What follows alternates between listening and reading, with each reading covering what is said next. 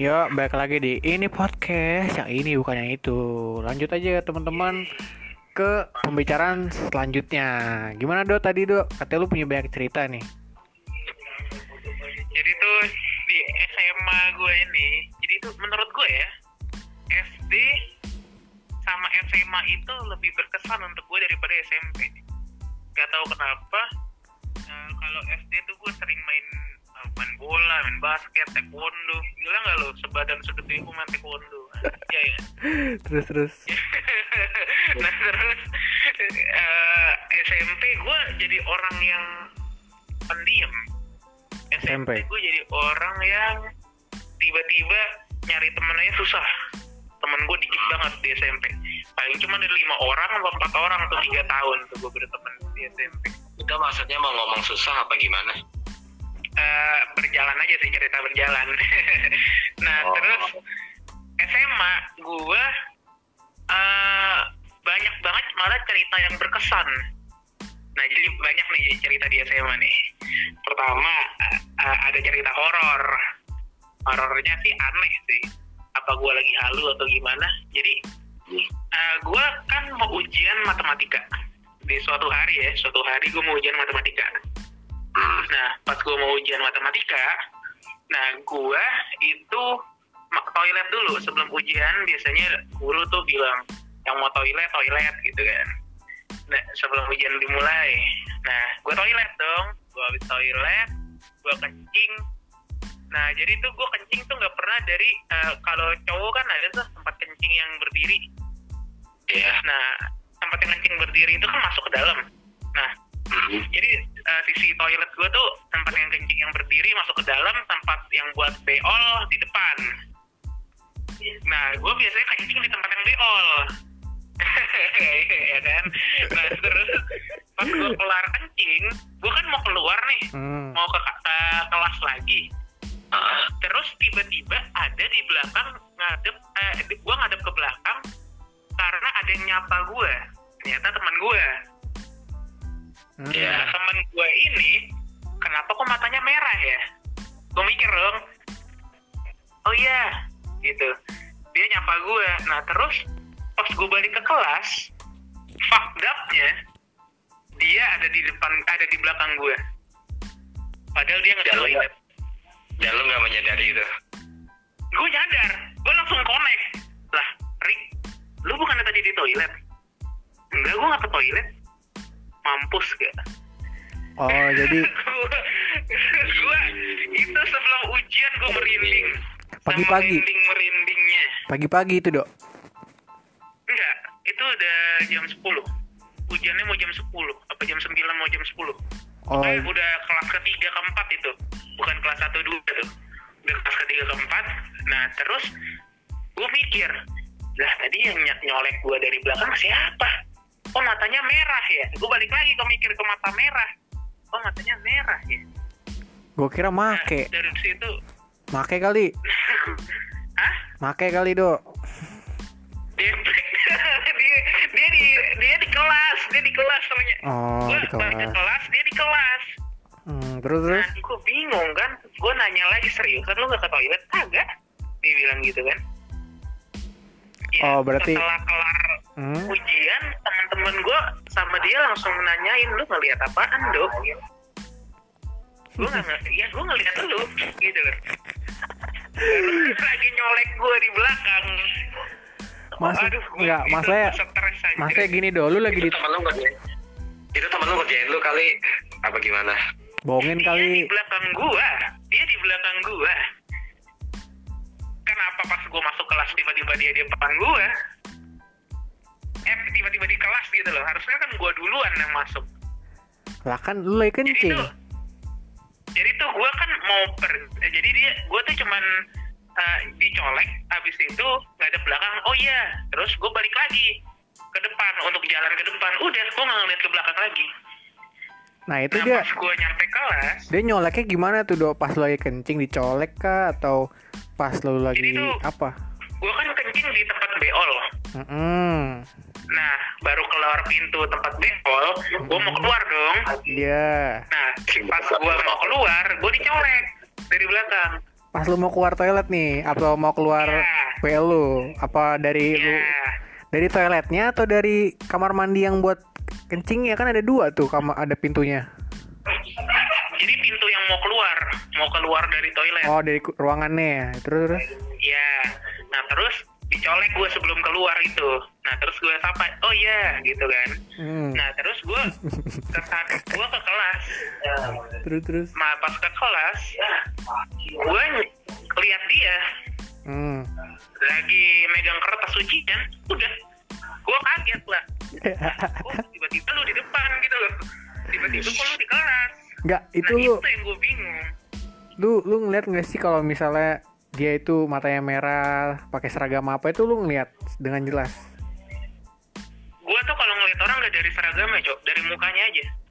Ya siapa tahu kan Sera- dia nggak pakai seragam. Nah gue lu kayaknya sih pakai seragam gue lupa. Gue lupa dia itu pakai seragam atau gimana. Yang gue lihat tuh gue cuma lihat uh, wajahnya doang. Hmm. karena gue ngadep belakang. Kalau gue ngadep bela- belakang gue tuh nggak bisa langsung ngelihat wajah seluruhnya dari atas sampai bawah. Ya lu soalnya lagi kencing kan?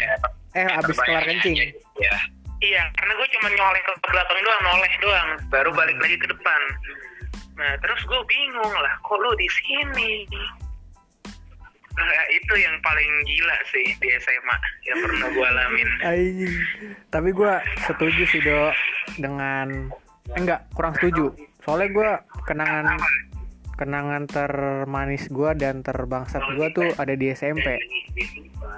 Kalau gua ya, kan orang beda-beda nih.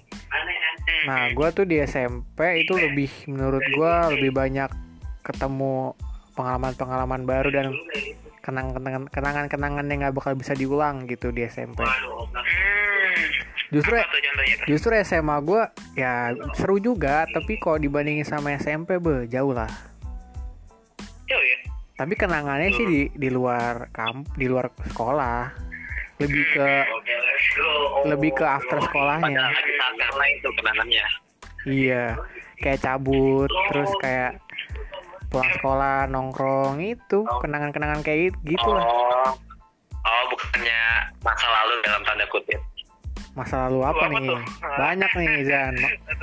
Kalau ngomongin masa lalu ambigu nih, bisa dibilang masa lalu yang apa dulu. X X X kebanyakan masa lalu anjay iya, udahlah. Kalau masa XX lalunya banyak dong berarti ya enggak lah, XX itulah jangan dibahas dan dia udah udah Oh. sama yang lain lah. Udahlah, udahlah. Hey, hey, hey, hey. Kenapa jadi XX-an ngomongnya teman? Hey. Hey, hey. Nah, terus Ah. kalau Rojan gimana Jan ada Hmm, lanjutan cerita dari matematika nggak tai lah. oh iya iya. Orang lagi Iya, tadi kan gue mau, na- terus ya, mau nanya soal matematika ya. Berkaitan Hmm. dengan matematika. Hmm. kan, kan kita bertiga nih kan apa perkuliahannya eh, jurusannya bisnis manajemen. Hmm. intinya bisnis dong ya.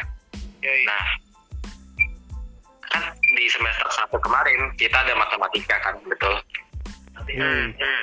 nah pertanyaannya gunanya matematika ini untuk bisnis tuh di mana di sisi mana kepakainya tuh pas di mana pas lu kalau gua apa materi?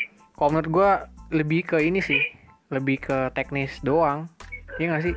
Teori doang. ke teknis tuh gimana teknisnya tuh di mana gimana Jadi gimana lu melihat pasar kayak gimana lu melihat ya, meramal sih menurut gua.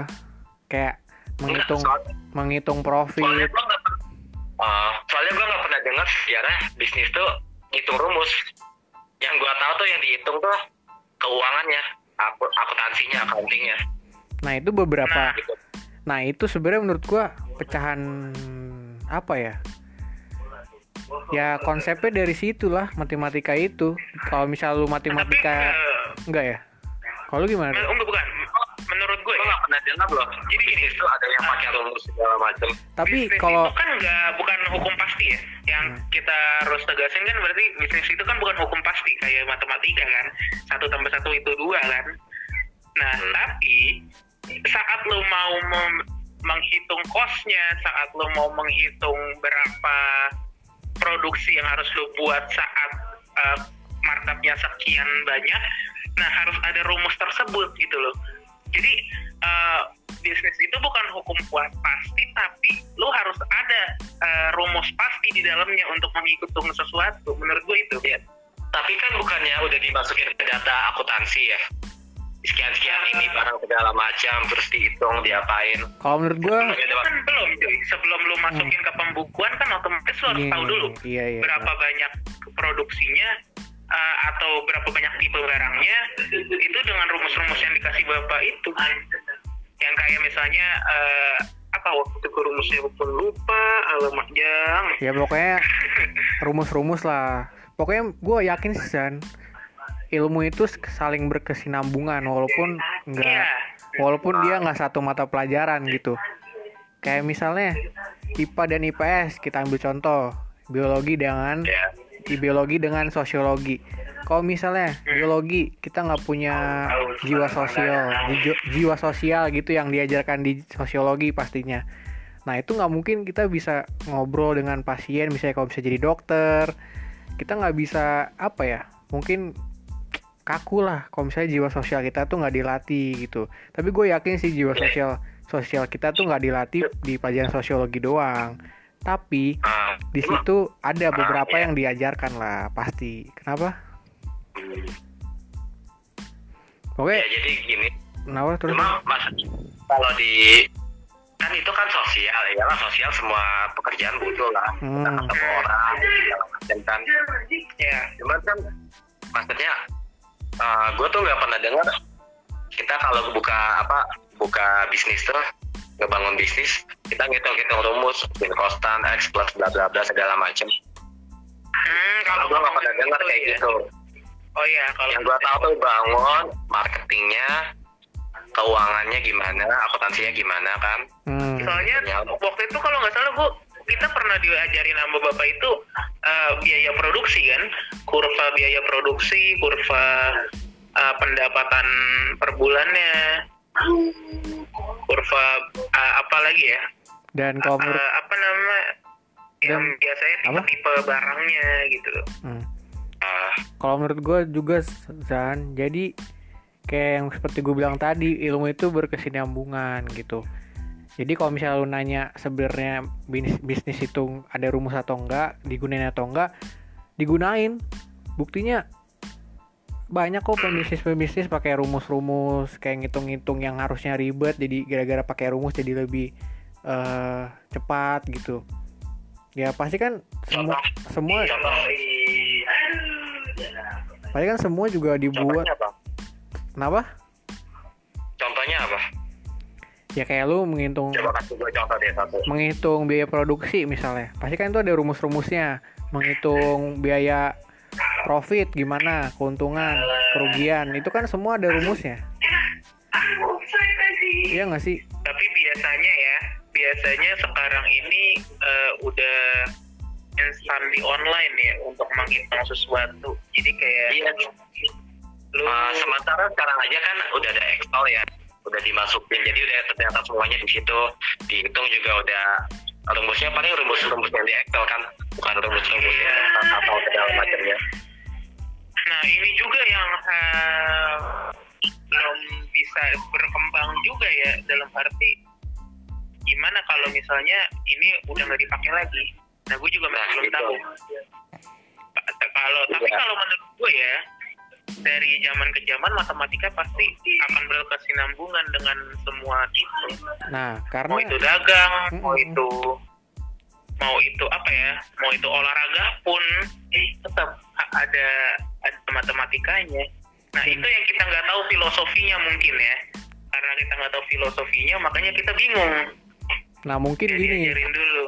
Mungkin kalau menurut gue juga dengan adanya matematika itu membuat pola pikir atau cara kita mengatasi masalah itu jadi Hmm, jadi apa ya? Jadi seperti kita kayak ngaji kayak ngerjain matematika. Kalau misalnya ngerjain matematika kan harus step by step. Jadi keolah gitu jadi diajarin lah secara nggak sadar gitu. Kalau misalnya ada masalah harus begini. Jadi kita dituntut supaya berpikir, berpikir kritis gitu loh. Nggak ada matematika menurut gua melatih pemahaman dan ini sih konsep pe- pemikiran kita gitu. Soalnya kan di matematika lu nggak bisa asal masuk masuknya rumus. Soalnya ada pemahaman yang harus lu pahamin di situ nggak. Oh, intinya tuh tujuannya buat memecahkan masalah kalau Iya. ada sesuatu gitu. Heeh, itu dilatih Zan. Menurut Oh, gua ya bukan udah. bukan Kalau gitu rumusnya. kenapa nggak diajarin secara langsung aja? Kalau misalnya ada sesuatu ada misalnya lagi jatuh nih bisnis anjlok kita harus ngapain ini gitu. Kenapa nggak diajarin secara langsung kayak gitu aja? Kenapa harus melewati rumus matematika kalau kayak gitu? Karena Nah kalau itu yang pemahaman konsep Zan. Oh, kalau cuman kita taunya teori-teori doang tanpa kita eh, kerja nyata juga salah sih. Tapi semua tuh harus balance. Jadi lu harus tahu tentang bagaimana itu bergulir. Habis itu lu mak habis itu lu pelajarin pas udah tahu cara bergulirnya gimana. Menurut gua gitu. Dan baik lagi kita apa ya jawab sesuai yang kita tahu aja sih.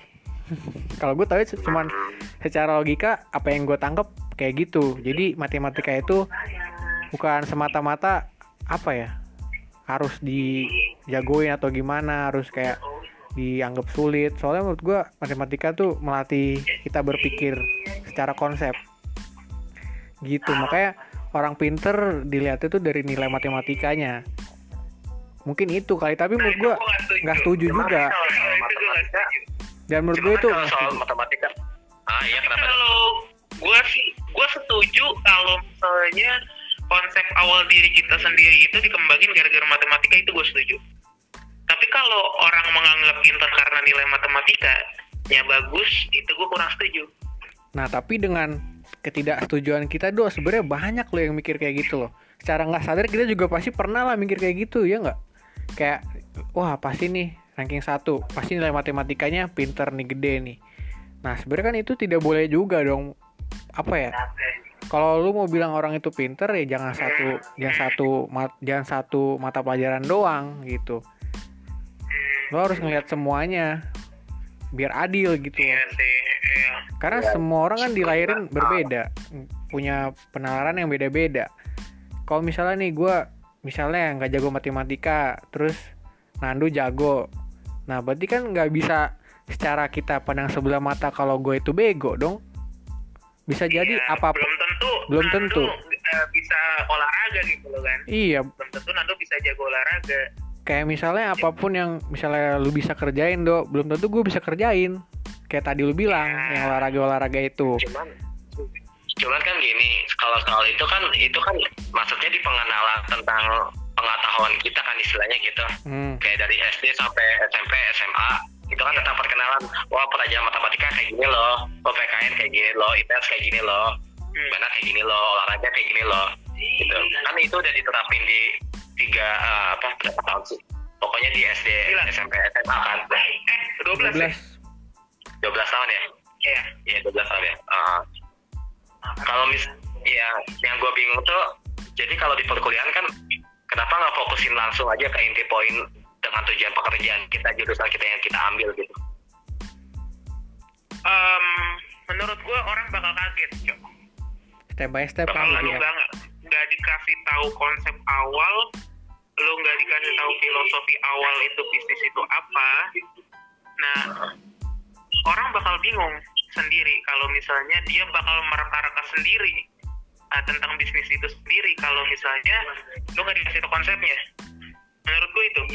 Makanya Ya, kalau perlu banget konsep di awal di semester 1 semester 2 untuk kasih tahu bahwa bisnis itu itu itu ini ini ini nah baru nanti kan kita mau magang nih atau enggak sebelum magang kita dikasih materi bahwa kalau ada kenapa-napa dengan bisnis kita harus bagaimana gitu Harus bagaimana? Berarti kalau ada sesuatu kita harus ngitung rumus, intinya gitu.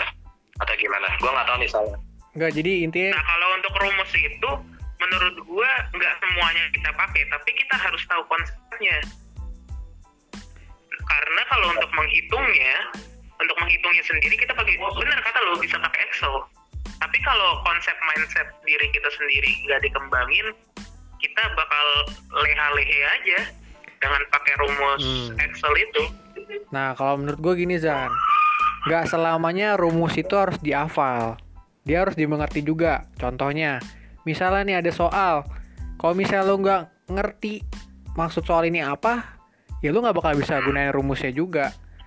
Karena kan rumus itu kan sebenarnya bukan dihafal harusnya tapi dipahamin. Nah jadi menurut gua itu melatih pemahaman kita sih. Maksudnya supaya kita tuh bisa dibilang nggak kaget gitu kan sama ta- sama yang kita mau bahas ini gitu. Yang maksud tuh tadi yang di- langsung. Ah, cuma kalau bukannya di, di hubungan sama bisnis bukannya lebih baiknya terjun langsung ya ya kalau lu bisnis lu jadi kita kayak terjun diarahkan gitu. langsung tapi kalau menurut gua kayak gini deh contohnya gini. Hmm, deh. kalau untuk gue sendiri ya cok. Untuk gue sendiri gue setuju. Kalau bisnis gue terjun langsung gue mati-matian di awal. Gue banyak eh, jatuh di awal untuk mencapai eh, tujuan gue di umur 30 tahunan.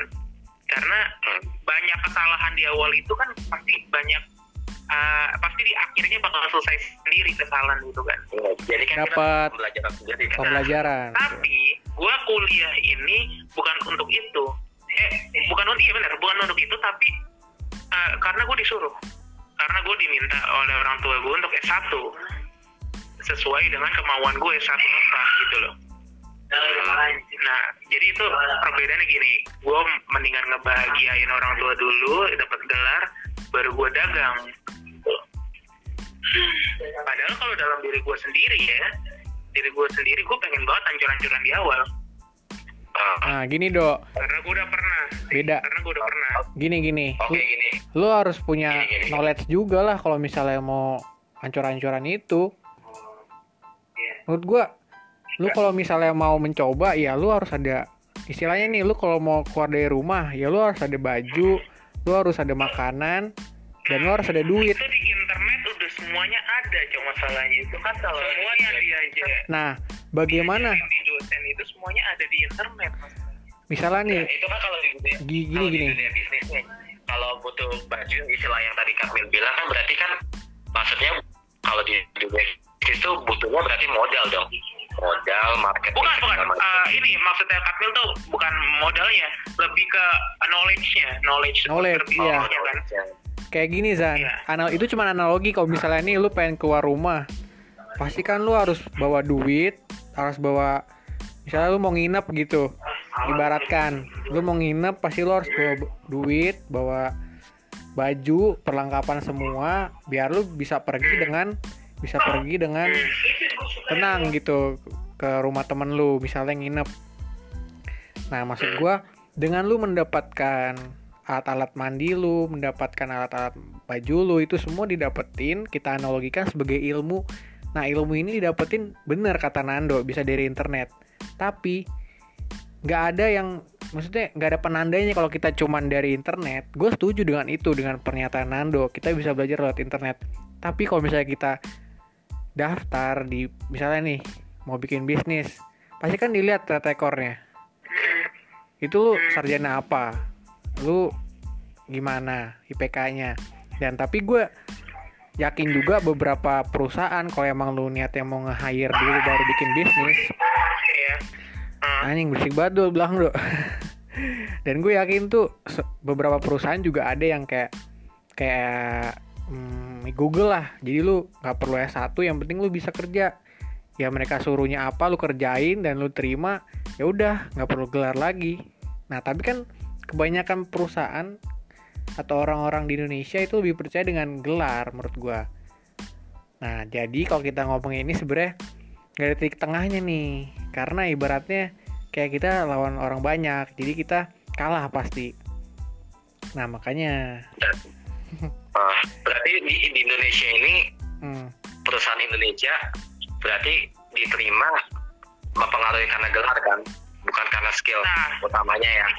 Nah, karena bisnis ini kan lu mau bikin untuk membuka lapangan pekerjaan untuk orang lain. Nah, intinya itu sih, intinya dulu lu mau ngapain kalau lu nggak kampus. Gitu loh.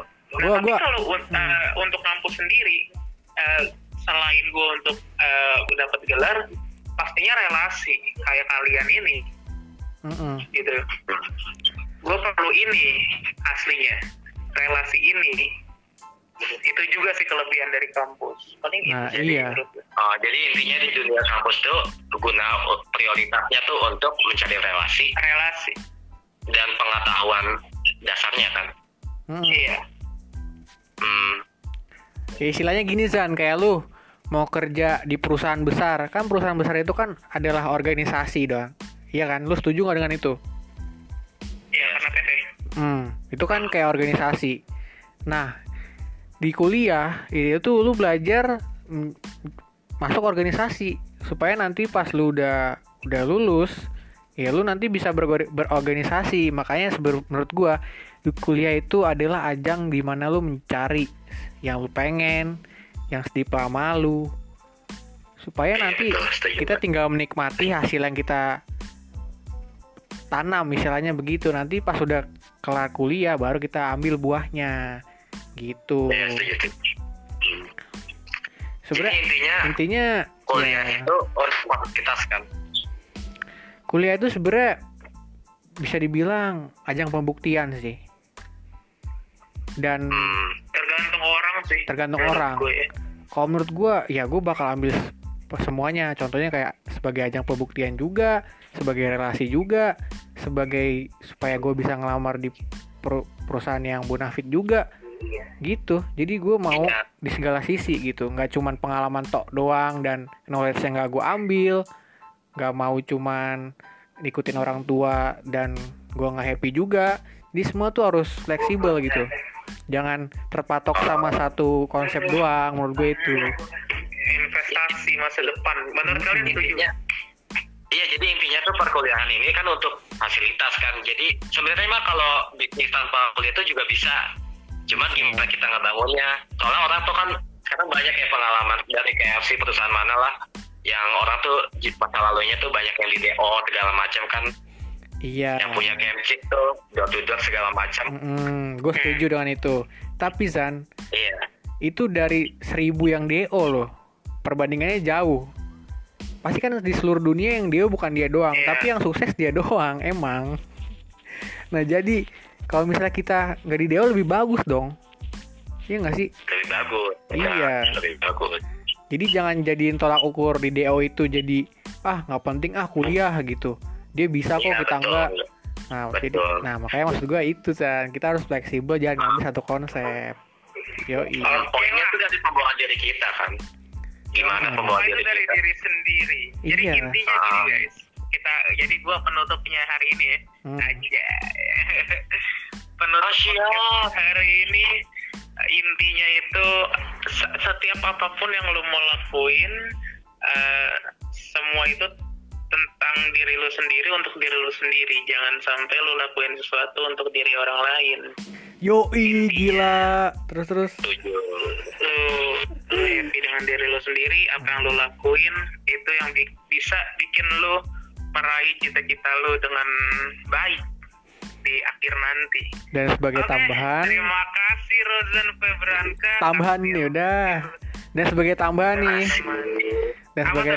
Dan sebagai tambahan yang penting lu tetap sehat lah menjalankan semuanya dan happy. Itu yang penting dok. Amin. amin. Ya udah teman-teman. Makasih Zan udah mau mampir. Makasih juga do yang udah Thank mau Jan. ya makasih juga ya. Yoi. Matt. Jadi teman-teman makasih yang didengar sampai sekarang. Mungkin omongannya rada berat nih. Maafin kalau misalnya ada kalimat-kalimat yang sotoy kami cuma berpendapat kalau misalnya ada pendapat lain tinggal tulis aja ya udah see you Atau kritikan kita juga open kritik ya. Yoi. ya maafin gue juga ya kalau gue misalnya ada kata-kata yang salah Selalu jangan sorry.